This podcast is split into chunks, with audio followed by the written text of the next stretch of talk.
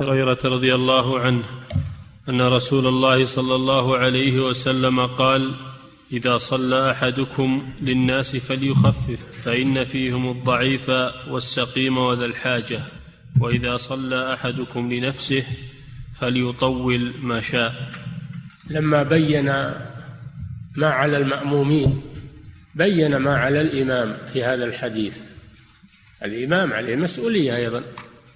فالنبي صلى الله عليه وسلم أمره أن يراعي أحوال المأمومين فلا يشق عليه قال صلى الله عليه وسلم أيكم أما الناس فليخفف فإن فيهم الكبير والسقيم وذا الحاجة وإذا صلى لنفسه فليطول ما شاء. هذا فيه أن الإمام يراعي أحوال المأمومين. ولا يشق عليهم بالتطويل الذي لا يتحملونه. وإن كان التطويل في الصلاة أفضل ولكن إذا ترتب على التطويل إساءة إلى المأمومين فدرء المفاسد مقدم على جلب المصالح. لا يطول الصلاة مراعاة للمأمومين لأنهم ليسوا على حد سواء منهم الكبير الهرم. ومنهم السقيم يعني المريض ومنهم الذي له حاجة هو صحيح وقوي لكن له حاجة طول عليه تفوت حاجته فلا تحرجه فلا تحرجه فأنت توسط في صلاتك لا تنقرها نقر الغراب ولا تطولها وتشق على المأمومين اعتدل في صلاتك. حتى تجمع بين المصلحتين مصلحة إتمام الصلاة ومصلحة مراعاة أحوال المأمومين وعدم المشقة عليهم.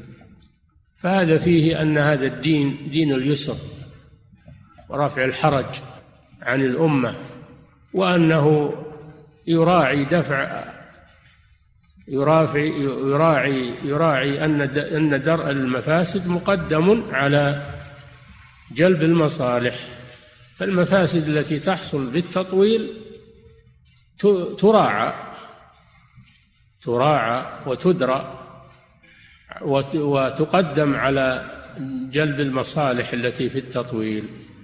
ودل الحديث على أن الإنسان إذا صلى لنفسه يعني صلى منفردا فإنه يطول ما شاء لأنه لا يشق على أحد. لا يشق على أحد. فإن قلت أليس الرسول صلى الله عليه وسلم يطيل الصلاة والصحابة يصلون خلفه؟ فنقول صلاة الرسول لها وضع خاص.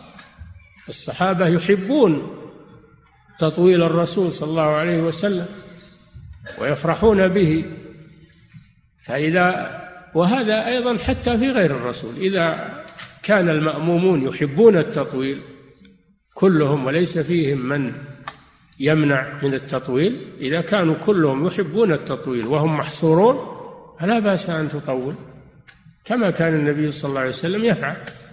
أما إذا كان فيهم من لا يناسبه التطويل فأنت تراعي أحوال المأمومين.